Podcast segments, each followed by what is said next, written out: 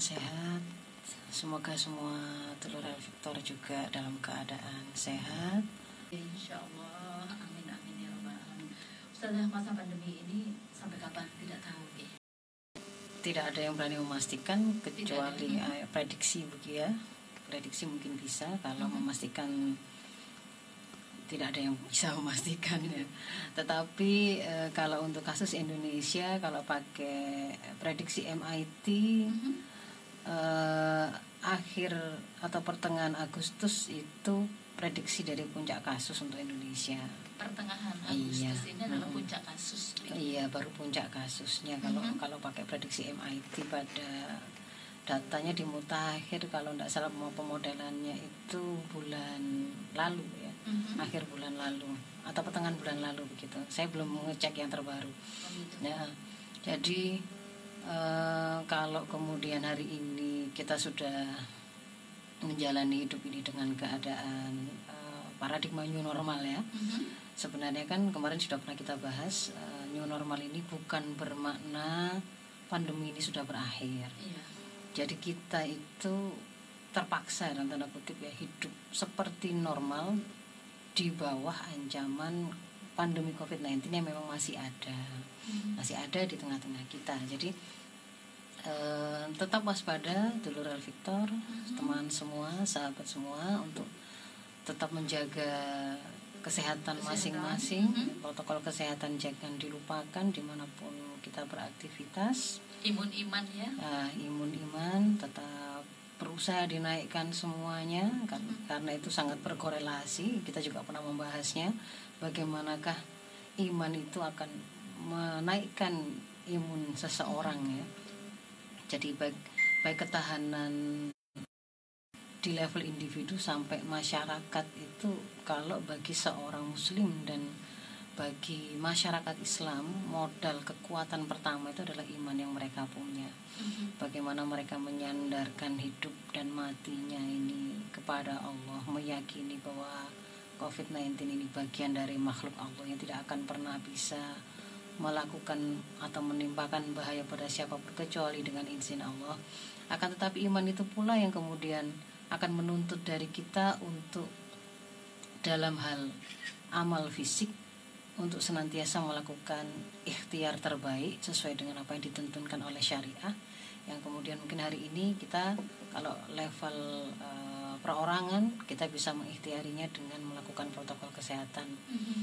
me- melakukan social distancing tidak keluar eh, menemui atau menghadiri kerumunan begitu Mhm. ketika itu tidak diperlukan tidak harus melakukan tidak itu urgent ya. tidak urgent tidak berkaitan dengan kemaslahatan kehidupan yang memang Mhm. vital begitu hanya untuk kongko-kongko atau hanya untuk eh, ya have fun begitu sebagaimana budaya yang Sebelum- sebelum, pandemi ini itu kemudian memang ditumbuh suburkan ya Mhm. maka eh, selain itu juga makan makanan yang bergizi memakai masker tetap berusaha untuk senantiasa menjalani perilaku hidup bersih dan sehat ya. Mhm. dan seluruh protokol kesehatan yang, di- yang diminta untuk eh, dilakukan ketika kita ada di tempat-tempat publik tertentu ya. misalkan kalau di rumah sakit itu kemudian di kursi tunggunya itu di- diberi arahan bahwa duduknya itu harus berjarak ada tempat yang itu diberi tanda silang berarti nggak boleh Iya. diduduki ya taatlah dengan itu ya. jangan pada tempat yang boleh diduduki terus goncengan ya Mhm. satu kursi diisi dua orang tiga orang lain atau kemudian ketika diminta harus wah ini area wajib pakai masker ternyata dia tidak bawa masker tapi nanti biji maskernya tukang parkir ya, gantian dengan ratusan orang yang lainnya itu ada yang begitu ya. ada yang seperti Iya. itu ya jadi eh, harus dengan kesadaran sebenarnya ketaatan kita untuk melakukan ikhtiar terbaik sesuai tuntunan syariah itu itu bagian dari eh, pembuktian keimanan kita kepada syariah itu sendiri gitu. Jadi itu adalah pembuktian ah, keimanan, betul. ah, ah. Jadi jangan kemudian menjadi orang yang menimpakan bahaya pada diri sendiri maupun kepada orang lain. La dororo wala diroro. Nggak boleh. Hukumnya haram kita menimpakan bahaya pada diri sendiri maupun kepada orang lain ya. gegabah termasuk Iya betul. Kita tidak tahu. Kita mungkin muda, kita mungkin terlihat sehat, mungkin kita dalam keadaan eh, apa namanya?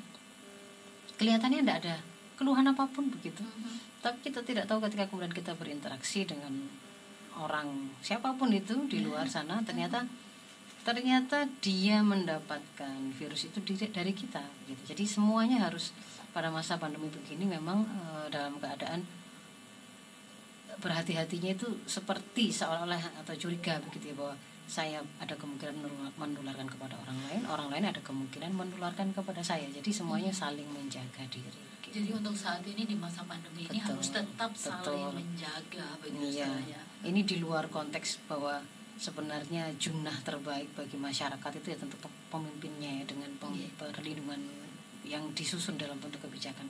Tapi saya memberi pesan yang lain bahwa seandainya pun kemudian eh, penguasa atau pemerintah itu ada abainya, ada kebijakan Mhm. tidak tepat, jangan kemudian itu tidak menjadi alasan secara perorangan kita tidak melakukan ikhtiar yang seharusnya menjadi kewajiban kita Oh, gitu. Baik, Iya. Ustazah.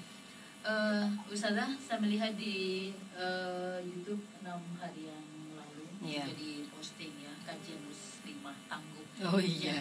Ini bisa diikuti Iya, oleh siapa pun boleh, boleh. ya. Daftar dulu ke Daftar dulu, untuk betul. dapat apa namanya? Dapat password masuk Password. mhm, masuk Zoom-nya ya. mhm. Itu ke Ibu Aini. Ibu Aini, Ibu Aini di 081 nggih, 332 nggih. 06 06 1392. 1392. Coba Saya ulang 0813 3206 1392 Betul. Ya. dengan Ibu Aini Ya. untuk mendapatkan password ID-nya ya. Ya, jadi termasuk grup Ya. kajian Muslimah Tangguh. Nanti eh, kajiannya tiap Jumat jam 4 sampai jam 5 sore. Jumat. Ha-ha. Eh, via Zoom meeting Mhm. ada live streamingnya begitu di Mhm. YouTube di YouTube-nya Ustadz Fakih Syarif salah ya. Iya. Kemudian eh, untuk Jumat ini kita sudah masuk ke episode ke-6 Mbak Lima. Sudah episode ke-6 Ya, ya. insya Allah besok kita akan membahas mengenal sumber hukum dalam Islam. Ya. Tangguh untuk Ya. Jumat depan ya. Meskipun baru bergabung besok tidak masalah. Ibu-ibu bisa juga mengakses pertemuan pada episode pertama sampai kelima di YouTube kami, di Hmm. channel YouTube kami. Nanti powerpointnya pun bahkan filenya bisa diunduh di channel Telegram kami. Coba Bisa ya? bisa Telegram ada ya? linknya saya, saya bagikan di grup Mhm. itu di grup WA yang tadi daftar ke Bu Aini tadi. Ini nanti yang sudah mendaftar di Mm-mm. Muslimah Tangguh ini nanti akan Iya. masuk dalam sebuah grup begitu. Iya, Oke. jadi itu tadi masuk di grup grup Mhm. WA, di Grup grup WA itulah akan diinformasikan Mhm. eh, ini link Zoom untuk pertemuan Jumat ini, Mhm. ini materi yang ke- tadi disampaikan saya, saya Mhm. sampaikan. Kemudian eh, kalau yang terlambat mengikuti secara langsung di Zoomnya bisa mengakses di YouTube di sini ada nanti disampaikan. semuanya ya. Iya. Ya. Ustazah terima kasih informasinya. Sekarang kita mulai ke topik ya, saling Iya. menguatkan untuk menjalani di masa sulit ini. Betul, Mbak. Eh, Kenapa kemudian saya mengangkat topik ini?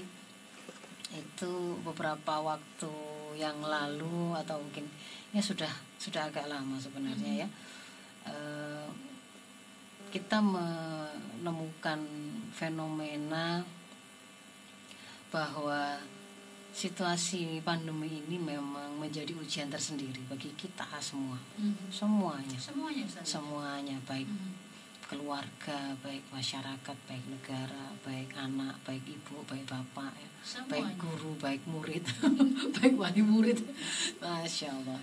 Jadi ada yang kemudian saya melihat apa banyak kalau kita ikuti media itu, ya, eh, banyak KDRT terjadi pada masa pandemi ini karena ada bapak-bapak yang tidak biasa hanya di rumah saja, kemudian tiba-tiba harus di rumah saja Mhm.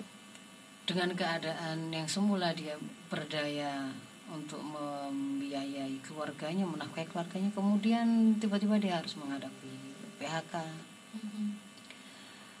sang ibu juga begitu Eh, tiba-tiba dia harus pada saat yang sama dia harus putar otak dengan lebih keras lagi untuk mencukupkan nafkah yang semakin mungkin semakin terasa berat untuk mencari dia tiba-tiba harus jadi guru untuk semua anak-anaknya level TK sampai mahasiswa sampai kalau mahasiswa kenomenan ya jangan ya kalau tidak untuk mahasiswa mengingatkan Ah, betul ya. mengingatkan Mungkin ya.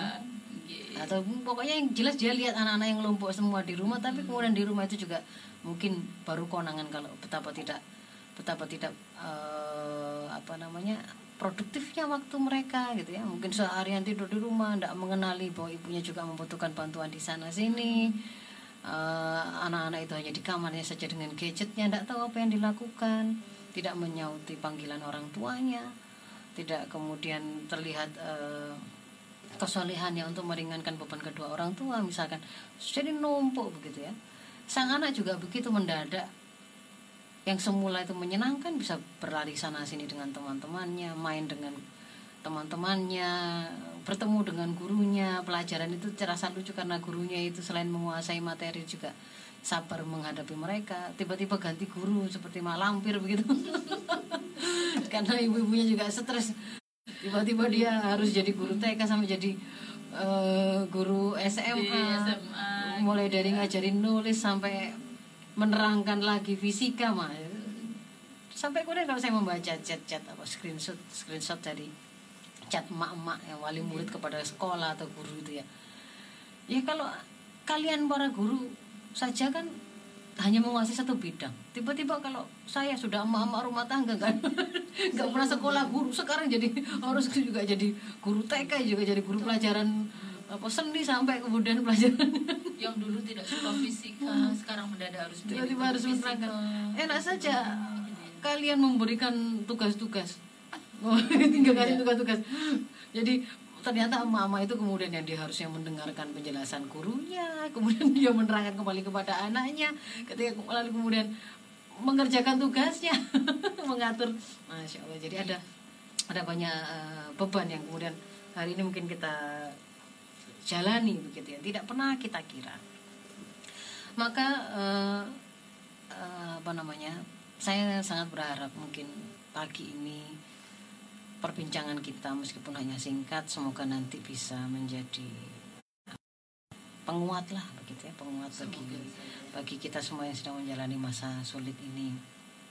Eh, kita akan belajar kita akan membuka kembali bagaimanakah Islam memberikan tuntunan kepada kita ketika menjalani masa sulit seperti ini begitu mbak Ina. Iya. maka itulah kenapa kok kita angkat gitu ya Nggih, harus. Iya, jadi biar gak sang bapak mudah naik pitam lalu melakukan KDRT kepada istrinya, sang istri juga kemudian semakin lama semakin merasa benci dan merasa salah pilih suami dan salah hidup bersama dengan suaminya. gitu. Mhm. Akhirnya kemudian terjadilah perceraian, anak-anaknya juga semakin rusak, masya Allah. Jadi semoga ada kontribusi kepada kebaikan, mempertahankan kebaikan yang ada dan menguatkan terutama umat ini menjalani masa sulit ini. Ya, begitu. Ustazah kalau ini tidak segera disikapi, maka ini akan sangat berbahaya bagi Ustazah. Ya, kalau Hmm. kemudian kita salah menyikapinya, Salah kemudian akan menjadi seperti itu, Mbak. Nina. Mhm. Jadi gini, ada yang pengen saya sampaikan sih sebelum masuk kepada pandemi. Orang mengira masa sulit ini itu karena semata-mata karena pandemi. Mhm. Sebenarnya kalau bagi mereka yang mengikuti perjalanan eh, kehidupan ekonomi global dan Mhm. prediksi juga eh, apa namanya analisa tentang jatuh bangunnya sebuah peradaban, kita akan temukan bahwa sebenarnya memang sudah beberapa tahun, dari paling tidak dua tahun ini sudah diprediksi bahwa pada sekitar tahun dua- 2021 atau akhir 2020 itu dunia memang akan mengalami krisis global. Ada atau tidak ada pandemi? Ada atau tidak Ada atau tidak ada pandemi? Ternyata sebelum kemudian eh, kita ketemu dengan krisis ekonomi globalnya sendiri, Mhm. ada pandemi yang diturunkan oleh Allah dan ini ternyata mempercepat mempercepat eh, pengaruh dari atau efek dari krisis glo- ekonomi global tersebut yang kemudian dirasakan oleh semua orang.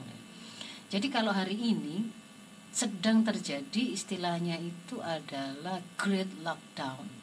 Ini bukan istilah kesehatan, ini istilah ekonomi. Great lockdown itu adalah krisis krisis ekonomi global yang cukup berat yang dia dikomparasikan. Kenapa istilah ada nama Great gitu ya? Karena dia dikomparasikan dengan Great Depression pada krisis ekonomi global tahun 30-an itu. Dan ini dikatakan jauh lebih berat. Jauh lebih berat. Selama ini kapitalisme itu mengalami krisis ekonomi itu berulang. Tapi selama ini semua krisis itu hanya terjadi pada sektor ekonomi non real mereka. Karena berbasis riba ya. Tapi kali ini krisis ekonomi memukul baik sektor real maupun non real. Karena yang terpukul hari ini faktor produksinya langsung manusianya sendiri. Mhm. jadi dia tidak bisa melakukan aktivitas produksi. Bagaimana bisa? Dia tidak bisa berkumpul. Kalau berkumpul pasti nanti lumpuh karena nanti malah sakit semua kan begitu ya. Mhm. jadi memang terputus. Dan ini nanti kalau kemudian hari ini kita masih merasakan masih oh baiklah kalau memang kapitalisme yang global yang besar-besar itu yang memang ber, berkrisis kita solusinya dengan cara melakukan menghidupkan ekonomi kerakyatan menghidupkan eko- UMKM dan seterusnya. Membeli bukan ke mall tapi ke tetangga sebelah dan seterusnya. Kalau kemudian hari ini masih bisa kita lakukan itu karena memang belum sampai mentok. Memang kita memang belum menemui krisisnya mbak Nima ini. Mhm. ini kalau dikatakan masih pintu Mas- masuknya. masuknya ya. ya prediksi memang tahun depan. Tahun 2021. tahun tahun depan itu ini masih pintu masuknya tapi kita sudah merasakan beratnya jadi bukan untuk menakut-nakuti tapi ini untuk memberikan sebuah gambaran persiapan yang harus dilakukan oleh kaum muslimin oleh teman-teman dulur semua bahwa bisa jadi ke depan keadaan semakin sulit. Kalau hari ini kita masih bisa berproduksi, oh saya masih bisa bikin kue, oh saya masih bisa bikin siomay, saya bikin puntal. Ada saatnya nanti di mana tepung yang mau dijadikan sebagai bahan baku itu tidak di- tidak didapatkan, tidak akan bisa digunakan. Kenapa Eh, itu bukan, begitu? bukan tidak digunakan, tidak bisa bisa didapatkan. didapatkan. Ya karena Kenapa tidak ada bahan bakunya. Karena tidak, Tidak ada bahan bakunya. Kalau misalkan bahan baku itu didapatkan dari eh, tepung itu misalkan dari gandum gitu ya. Mhm. Ya karena sampai pada level tidak ada yang menanam gandum Mhm. tidak ada yang sanggup me- memanen gandum Tidak tidak, ada yang yang bisa membawa membawa gandum itu dari satu tempat ke tempat yang lain atau menggiling mesin ga- mesin gandum itu untuk menghasilkan tepung begitu ya karena faktor produksinya kan yang terpukul ini Mhm. Akan ada titik di situ sampai di situ. Dan pada waktu seperti itu mungkin baru kita akan berpikir lalu sebenarnya solusinya apa untuk krisis global ini? Itulah yang kemudian sering kemudian dibicarakan oleh teman-teman pengusung eh, dakwah syariah kafah bahwa ini sebenarnya momentum perubahan peradaban. Kalau level dunia ini perubahan peradaban. Kita seg- bukan sekedar bicara perubahan Indonesia ini perubahan dunia. Akan ada eh, dunia akan mencari format baru. Sudah mulai muncul ini Guterres ya. Siapa namanya itu Guterres itu eh, anunya PBB itu sekjen ya sekjen, Sekjen. PBB ya. itu menyebutkan bahwa dunia hari ini membutuhkan satu format kepemimpinan baru sistem Nah. politik dan ekonomi baru secara global mereka Sudah mau mencari format ya? karena memang ini sudah mulai mulai menyadari ini sudah Mhm. memang asimetris hubungan selama ini yang ada ini ada yang negara itu sangat kaya raya orangnya itu satu orang dia bisa memilih makanan satu ruangan untuk dia sendiri tapi ada yang kemudian eh, sekian juta orang kelaparan bertahun-tahun memperebutkan air itu menunggu eh, ternak mereka kencing menu- mereka bahkan berdirinya itu di, di, didampingi oleh burung pemakan bangkai karena sedang ditunggu matinya. Itu fenomena yang real kita hadapi hari ini pasti ada yang salah pada pengelolaan bumi ini kalau seperti itu kan nah ini pandemi ini memang semoga di antara hikmahnya adalah membuka kesadaran dari seluruh umat Islam seluruh dunia bahwa ada yang salah dengan pengelolaan yang mereka lakukan selama ini di dunia ini gitu. Semoga Peradaban kapitalisme sekuler ini merusak dan merusak begitu ya. Dan pandemi ini semakin me- menelanjanginya gitu Mbak Nima. Ya, Ya. semoga ini nanti eh, dari sini semuanya Ya. mudah-mudahan segera nanti sesuatu yang berbeda bagi Ustazah ya. Iya, Nah, itu. Ustazah, hari ini kita mencoba untuk Ya. yang ditunggu-tunggu kita juga adalah setelah ada eh, opening di awal Ya. begitu ya kita sudah masuk dengan kondisinya Ya. seperti ini global itu seperti ini mengalami Iya. hal seperti ini. Ah. Nah, bagaimana kita harus menguatkan diri kita? Betul. Kita harus tetap survive untuk menjalani masa sulit seperti ini. Mm-mm. Ya. Oh ya, satu lagi Mbak Nima. Mhm. Ini karena sangat dekat. Ya. Kemungkinan juga sebentar lagi mungkin akan mulai agak terasa Agustus atau akhir tahun ini ya. Krisis Mhm. pangan akan dihadapi oleh dunia. Krisis pangan. Krisis pangan. Hmm. Ya bayangkan saja kalau kemudian eh, memang manusia-manusianya tidak ada yang menanam atau Mhm. kemudian mereka tidak bisa. Ada sudah ada yang sudah sudah ada yang siap panen beberapa waktu kemarin beberapa lumbung-lumbung eh, pangan itu eh, di Thailand, di Vietnam nggak bisa dipanen karena kena pandemi ini. Mhm. Jadi memang akan ada krisis pangan sehingga mulai hari ini juga kaum muslimin, teman, dulur semua yang punya tanah yang sekiranya itu bisa ditanami produktifkan. Produktifkan. Iya. Untuk membackup ketahanan pangan kita masing-masing juga gitu. Ketika misalkan nanti tiba-tiba kok bahan baku hilang dan seterusnya ya. Persiapan. Kita tidak tahu sampai kapan ini. Ini global ya. Iya, global. Mhm. Mhm. Berarti yang punya terutama yang di daerah-daerah ini ya. Yang tapi nanti kalau kemudian di daerah kalau kemudian eh, sulit untuk melakukan distribusi juga susah. gitu. Jadi ya sebenarnya memang eh, kita hari ini itu akan menghadapi masalah tidak hanya pada produksi tapi juga terputus pada distribusi. Distribusi. Mhm.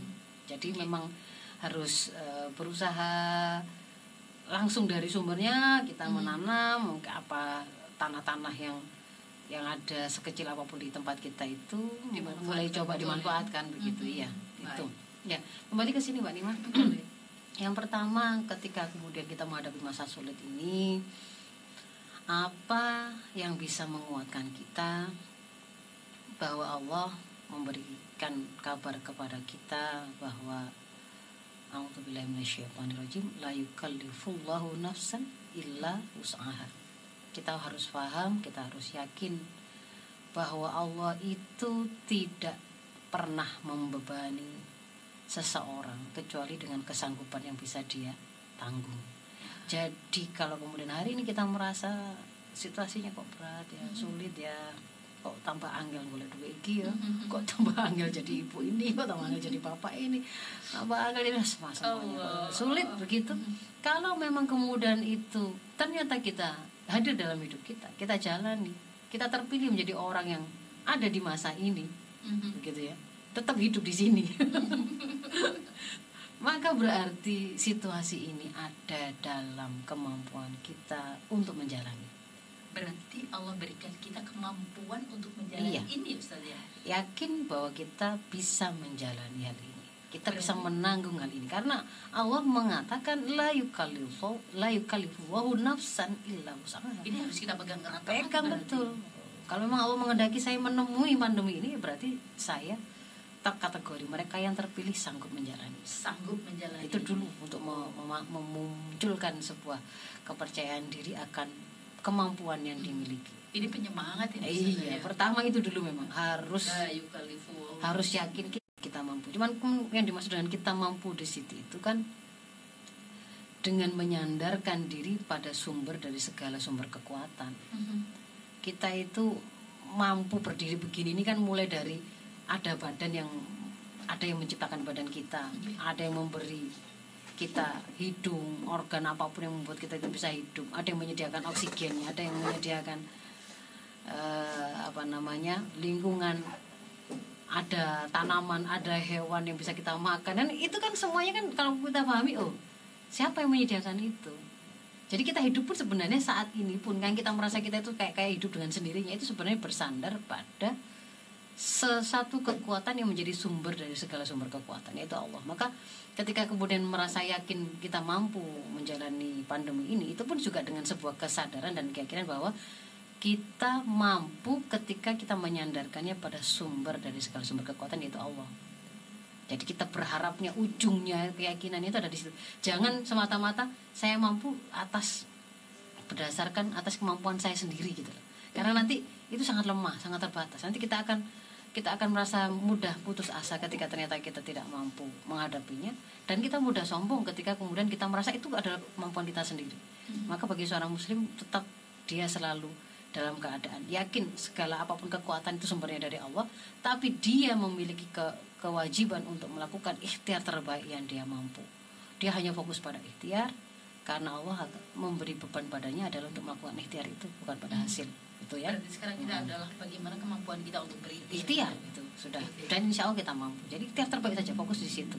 Selesaikan peranmu kalau bahasa Mhm. Yang biasanya dipakai oleh para ustadz memberi motivasi itu. Mhm. Tugas kita itu, ah, tugas kita itu hanya menjalani peran kita. gitu. Menjalani peran, Menjalani peran kita. peran. Jadi itu yang pertama nih.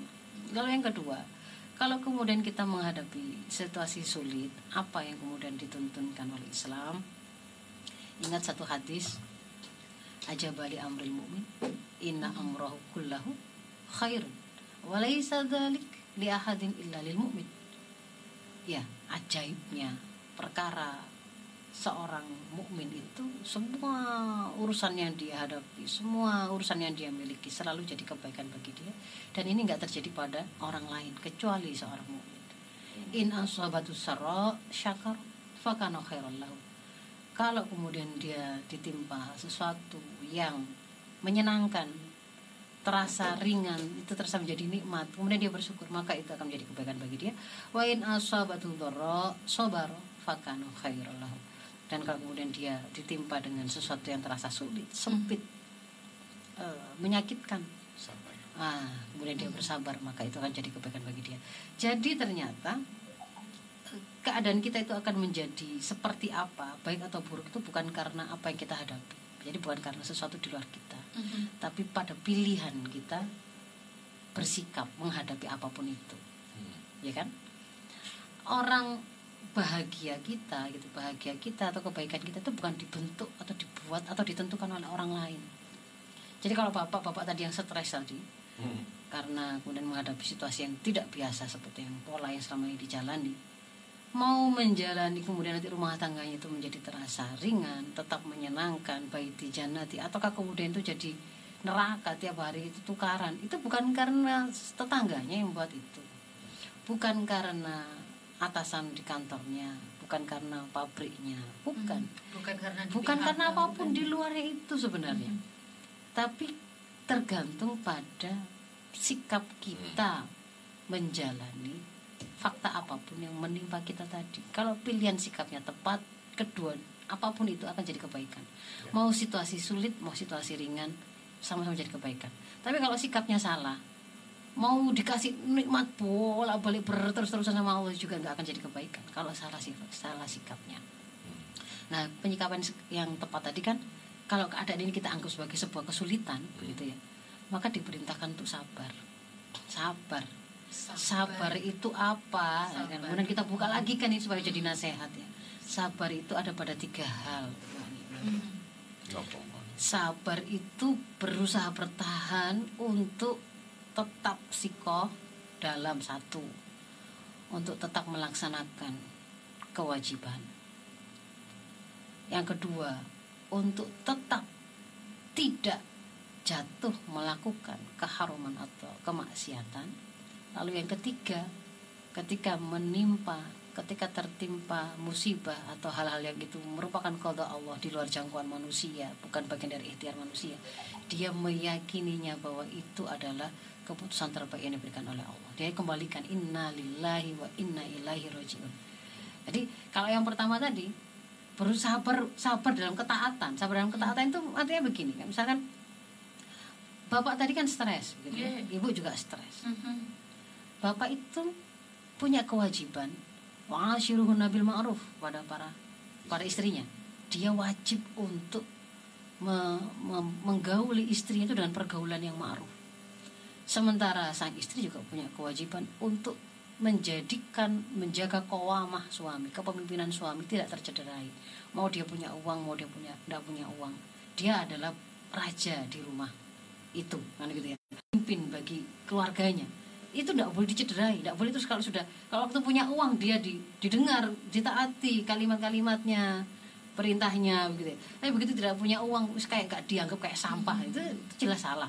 Ya, maka kalau kemudian namanya sabar dalam ketaatan, meskipun sulit ya, meskipun habis di PHK, nggak terus kemudian itu menjadi alasan untuk dia mudah memukul istrinya. Istrinya. Berusaha bertahan untuk tetap taat melakukan pergaulan yang ma'ruf pada istrinya, itu sih sabar jenis pertama sabar dalam ketaatan. Istrinya juga begitu. Tetap mentaati suaminya dalam kebenaran. Itu yang pertama.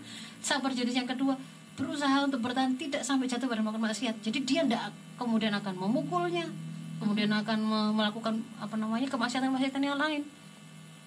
Sama yang istri juga begitu. Dia tidak tidak kemudian termakan kan e, di antara kelemahan istri adalah pada lisan ya. Pada lisan. Memang digambarkan oleh hadis itu para istri itu banyak menjadi penghuni neraka. Karena apa? Bukan bukan karena dia kufur kepada Allah tapi kufur pada suaminya. Jadi kalau suaminya itu setelah sekian lama dia memberikan banyak hal kebaikan, tapi begitu melakukan satu kesalahan seolah-olah semua kebaikan itu terhapus, dia mengatakan, "Wis gak ya blas memang awakmu. Itu." Nah, Kemudian juga di antara yang lain adalah kesulitan dia mengendalikan lisan, apalagi kemudian hari ini ditambahi dengan propaganda psikologi yang menyesatkan ya. Misalkan perempuan itu oh, apa namanya? harus mengeluarkan 2000 kalimat per hari, ya itu itu kalau kalau kita muslim tanya dulu betulkah itu sebenarnya propaganda begitu dalam Islam tuntunan dalam Islam itu jelas falyakul khair liyasmut cuman itu. Jadi kalau kemudian kalau kamu beriman maka yuminu billahi wal yaumil akhir falyakul khair aw liyasmut.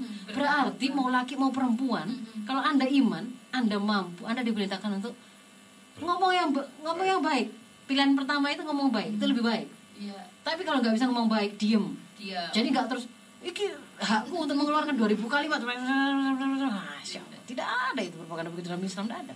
Jadi nggak ramai gitu ya. Dan itu justru kemudian sering memicu begitu ya. Jadi satu sisi suami kemudian lupa bahwa ini ada istri yang dia ambil sebagai amanah dari bapaknya eh, menggunakan nama Allah sebagai mitsaqun itu sebuah perjanjian yang besar disaksikan oleh Allah langsung yang tadinya dia dibesarkan oleh bapaknya gitu ya sekarang dia tinggal bersama dalam pengasuhan suaminya jadi ini seperti seperti bapaknya gitu ya menjadi pelindungnya menjadi gurunya menjadi kayak bayangkan kalau kemudian sandaran ini tiba-tiba menjadi orang yang tidak tidak bisa diharapkan karena keburukan akhlaknya karena perlakuan buruknya. Bagaimana? Dia mau lari ke mana? Dia sudah diambil dari bapaknya.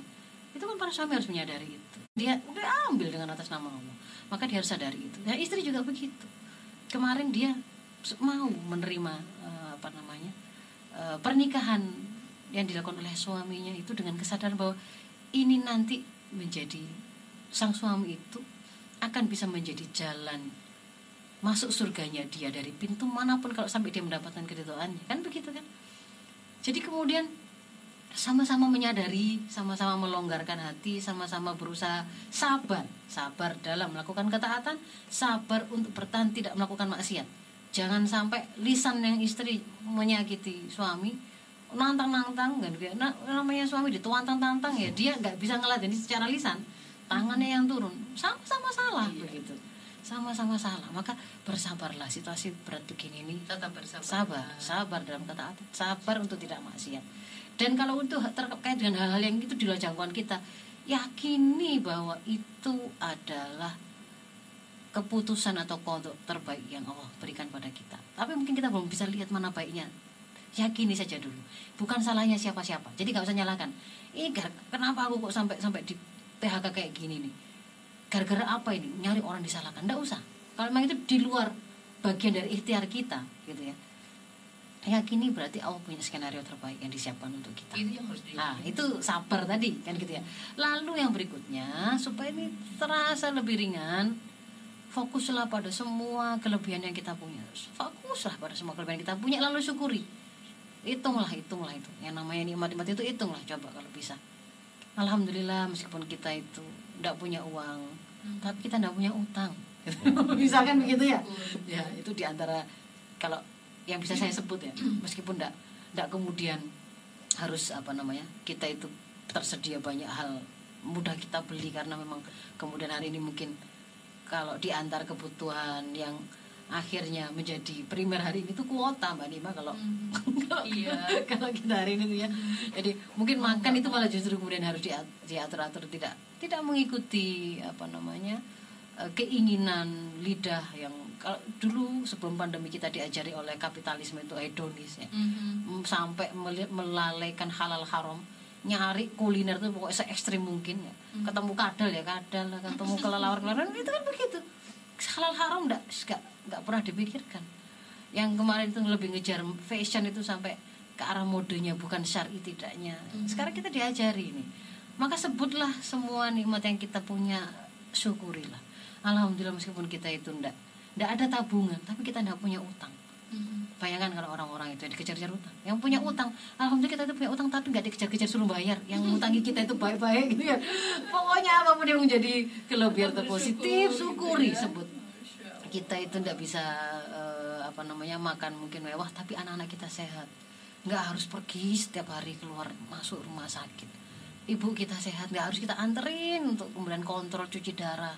Semuanya sulit hari ini situasinya. Semua. ya jadi perbanyak syukur dengan mencari di list gitu ya banyak kelebihan yang kita punya syukuri di situ Tetap memperbanyak syukur Iya. dalam kondisi seperti supaya kemudian nanti terasa lebih ringan gitu. Mhm. nah Tidak itu banyak ngeluh gitu. ya itu yang kedua dan ketiga Dan yang yang berikutnya itu mengingat kembali komitmen eh, kalau di keluarga ini ada level-level macam-macam ya mbak Nima ya. di keluarga tadi itu masing-masing itu kemudian memahami ini adalah situasi sulit bagi semuanya. Anaknya itu juga adaptasi ibunya juga adaptasi bapak juga adaptasi. Maka pada kondisi seperti ini jangan malah eh, berpikir apa namanya ya wes urip dewe-dewe kok luwih enak. Wong urip wong bareng saja itu terasa berat gitu ya. apalagi kemudian dewe-dewe. Jadi eh, orientasinya itu saling menguatkan. Jangan malah jangan malah memutuskan atau malah kita malah menghancurkan bangunan yang kita punya. Sekecil apa pun bangunan rumah kita itu kuatkan gitu loh. Kuatkan. Bapak ibu anak itu saling menguatkan. Anak kita itu wes kok sak menu gede nih kak? Soleh blas gak ngerti wong tua blas gitu ya. Fokus saja pada anak ini punya potensi untuk mendengar. Anak ini punya potensi untuk mendengarkan nasihat kita. Beri dia bisa berubah. Fokus saja pada usaha untuk me- menstimulir kebaikan dan potensinya dia. Ngasih nasihat ngasih nasihat. Berubahnya kapan kita mintakan pada Allah yang membolak-balikan hati. Kalau Allah yang membolak-balikan hati menghendaki sehari tiba-tiba berubah bisa berubah. Dakwah Rasul itu 13 tahun di Mekah itu nggak ada yang menyambut. Tapi begitu kemudian Fathu Makkah dalam satu hari seluruh penduduk Makkah beriman. Kan nggak pernah dibayangkan ya? Balik satu hari semuanya beriman. Artinya keadaan apa pun saat ini juga bisa Iya, seperti itu. iya. Ya. Nah, jadi eh, jangan berpikir malah menghancurkan apa yang ada gitu. Karena hari ini malah ke arah sana mbak Nima ini kan? Mhm. jadi wes buyar ya buyar ya. kalau buyar itu tambah jadi baik tak gitu loh. Mhm. enggak. Tapi juga jangan. Jadi kemudian mulai berpikir "Oh, kalau begitu apa yang harus saya lakukan? Oh, nyarilah ilmunya. Bagaimana sih mulai bangun komunikasi? Bagaimana so, biar suami itu tidak stres dewi jalin komunikasi dengan istri kasih tahu bebanmu apa istri juga begitu kasih kesempatan mendengar bercerita. Anda dengarkan. Jangan kemudian es pokok melaku dewi dewi lah kalau kemudian mau hidup sendiri sendiri masing-masing ngapain dulu menikah? Gitu loh. Ini sudah kan jadi amanah yang diambil maka bertanggung jawablah masing-masing. Anak itu tadi tuh gak minta dilahirkan sudah kadung lahir sudah kadung bawa gede no tadi ini kayak ngono gitu ya. Jadi ya terus bagaimana? Ya jangan terus kemudian diputuskan wes sambung sekarang nggak bisa wong itu dulu juga tidak minta dilahirkan dibesarkan itu juga dengan sebuah proses ada masa di mana mereka itu tidak punya andil kecuali orang tuanya yang menyusun warnanya kan gitu kan ya maka harus bertanggung jawab di situ orang tua pahami saya kira itu dulu mbak Nima nanti gak ada kesempatan tanya jawab ini Oh ya, ini ada beberapa yang sudah bergabung Iya. bersama kami. Poinnya berikan. memang, poinnya memang nafsu dan keinginan ini. ya. ya ini memang nasihat untuk saling menguatkan Ah, Elmi, iya. ceritanya ini Saling menguatkan. saling menguatkan menjalani masa sulit ya. Jadi Harus memang harus menguatkan. iya ini harus dikomunikasikan, harus disampaikan, difahamkan kepada yang lain ya. Iya, nanti di level masyarakat ada juga saling menguatkan bentuk yang lain. Kalau dalam Islam, masyarakat Islam itu peduli satu sama lain, seperti satu bangunan kan? Mhm. Maka di sana juga dikenal ajaran isar. Isar itu mendahulukan mereka yang lebih membutuhkan. Jadi kalau kita memiliki satu kelebihan, kita lihat saudara kita, tetangga kita Mhm. yang lain itu membutuhkan. Terbiasa untuk me- ringan mendahulukan mereka yang mem- lebih membutuhkan tadi. Iya. Hari ini selain pandemi ada yang ketemu dengan bencana kan Mbak Nima. Iya. banjir macam-macam ya. ya jadi ya itu ya semoga baik. dikuatkan semuanya Amin. Ustazah Mas Helmi kita break dulu sebentar. Iya. Dan kita kembali masih di kajian parenting ya untuk pagi hari ini bersama Ya. Dr. Faizat Rashida. Mas Helmi kita buka Ustazah untuk Ya, pertanyaan monggo. cukup dulu ya. Oke. Mas Helmi di 93 ini ada WhatsApp Hmm, yang bagus, dikirim WhatsApp dari bener banget Ustazah. Jarang nih dengar ceramah sejernih ini. Eh, syukur dan sabar menyikapi setiap keputusan Allah. Nah Ustazah eh, cara menyampaikan semuanya ini kepada pasangan seperti apa Beliau mengakui mensyukuri semua apa yang Allah anugerahkan kepada kita, menikmati dan menjadikan manfaat buat sesama. Beliau eh, sadari itu semuanya, tapi kemudian eh, bapak ini menyampaikan, bapak atau ibu ya, tahu, caranya menyampaikan kepada pasangan ini gimana Ustazah? Iya. sebenarnya yang paling tahu bagaimana cara menyampaikan pada pasangan dengan cara terbaik itu ya sahabat terbaiknya sahabat terbaiknya itu siapa ya? Pasangannya itu sendiri. Karena suami dan istri itu adalah sahabat terbaik satu sama lain. Mereka berkumpul mereka bertemu karena satu kecintaan eh, kepada Allah ya. Satu Mhm. kecintaan kepada Allah. Membuat sebuah komitmen janji juga membawa Allah dalam apa membawa nama Allah di sana. Kalau itu disadari betul bahwa berarti sebenarnya memang mereka harus harus saling mencintai satu sama lain ya. Jadi eh, kalau sudah dinikah itu ya wajib dicintai.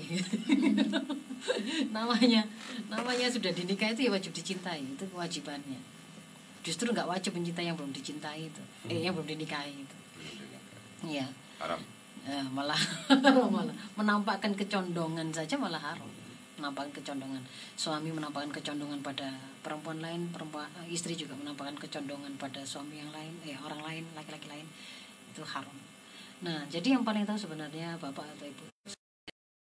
Tapi mungkin bisa dicari eh, rumus umumnya bahwa Seperti apa Ustaz? eh, bahwa eh, supaya kemudian apa namanya nasihat atau komunikasi kita berjalan lancar yang pertama pilihlah waktu terbaik. Mhm. pilihlah waktu terbaik. Di antara waktu terbaik kalau untuk pasangan suami istri itu adalah setelah mereka ada dalam keadaan paling intim. Itu waktu di antara waktu terbaiknya. Jangan dalam keadaan ketika masih eh, sedang ada beban yang belum terselesaikan ya. Baru datang masih kita tidak tahu suami atau istri tadi Eh, jadi suami istri tidak tahu suami di luar itu ketemu apa menghadapi apa mungkin habis jatuh atau seharian nggak makan atau apa nggak tahu. Langsung diceritani dengan rongocos begitu. Atau kemudian sang suami juga nggak tahu di rumah tadi istri menghadapi sebuah hektik yang seperti apa menghadapi anak-anaknya atau urusan rumahnya. Jadi pastikan dulu lihat situasi situasi yang paling eh, setelah kita pastikan terpenuhi apa yang menjadi kebutuhan istirahat maupun makannya eh, maka di situ silakan melakukan eh, komunikasi. Jadi pilih waktu yang tepat. Tidak ditumplok lah Ah, sebenarnya ya. jangan jangan ngawur waktunya kapan. Lalu yang kedua dalam berkomunikasi itu harus dengan sebuah eh, apa namanya kesiapan untuk berlapang-lapang begitu ya berlapang-lapang. Jadi jangan bukan untuk golek sopo sing salah sejak awal itu memang berusaha. Tujuannya apa toh? Mau nyari solusi. Mau menyampaikan solusi. Berarti pilihlah eh, diksi ya, pilihan kata-kata yang itu tidak hendak memojokkan atau menyalahkan salah satu pihak. Ya kalau kemudian mau menyampaikan apa yang kita analisa hari ini ya boleh dengan di jenengan seperti mendengarkan sendiri tapi di terno gitu sampai kedengeran semua juga bisa. Kalau nggak bisa menyampaikan mengulang lagi susah gitu misalkan kan bisa saja.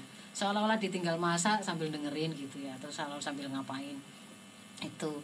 Kalau memang mau, mau membuka percakapan atau komunikasi sendiri maka pastikan kata-kata yang dipilih tadi memang bukan untuk ini mau mepet gitu loh mau mau mepet. Nah gara-gara setelah saya mendengarkan Ustazah Faiza itu berarti memang bojoku salah masuk sidik-sidik ngamuk sidik ngamuk. Padahal tadi itu saya menyampaikannya kan tidak semata-mata yang lagi-lagi gitu paham bahwa ini istrinya itu amanah beliau.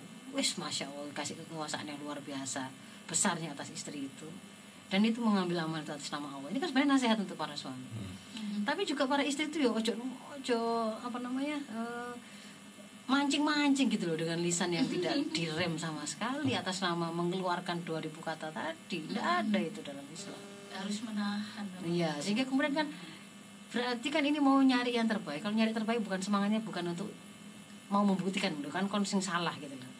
Sing bener aku nggak boleh begitu. Kalau memang mau membuka sebuah komunikasi yang sehat, maka pilihlah diksi yang ini untuk mencari solusi bukan untuk me- memepet mendiskreditkan seseorang atau salah satu pihak. Iya. Lalu yang lain adalah ser- apa namanya? Gini loh, kita harus meyakini bahwa Allah itu yang memegang hati dan pikiran seseorang di tangan itu Allah. Iya. Ya mintalah ke Allah. mintalah ke Allah Bolak balikan hati. mintalah ke Allah Mintalah ke Allah. Allahus samad. Mm-mm. Bergantungnya kita itu pada Allah.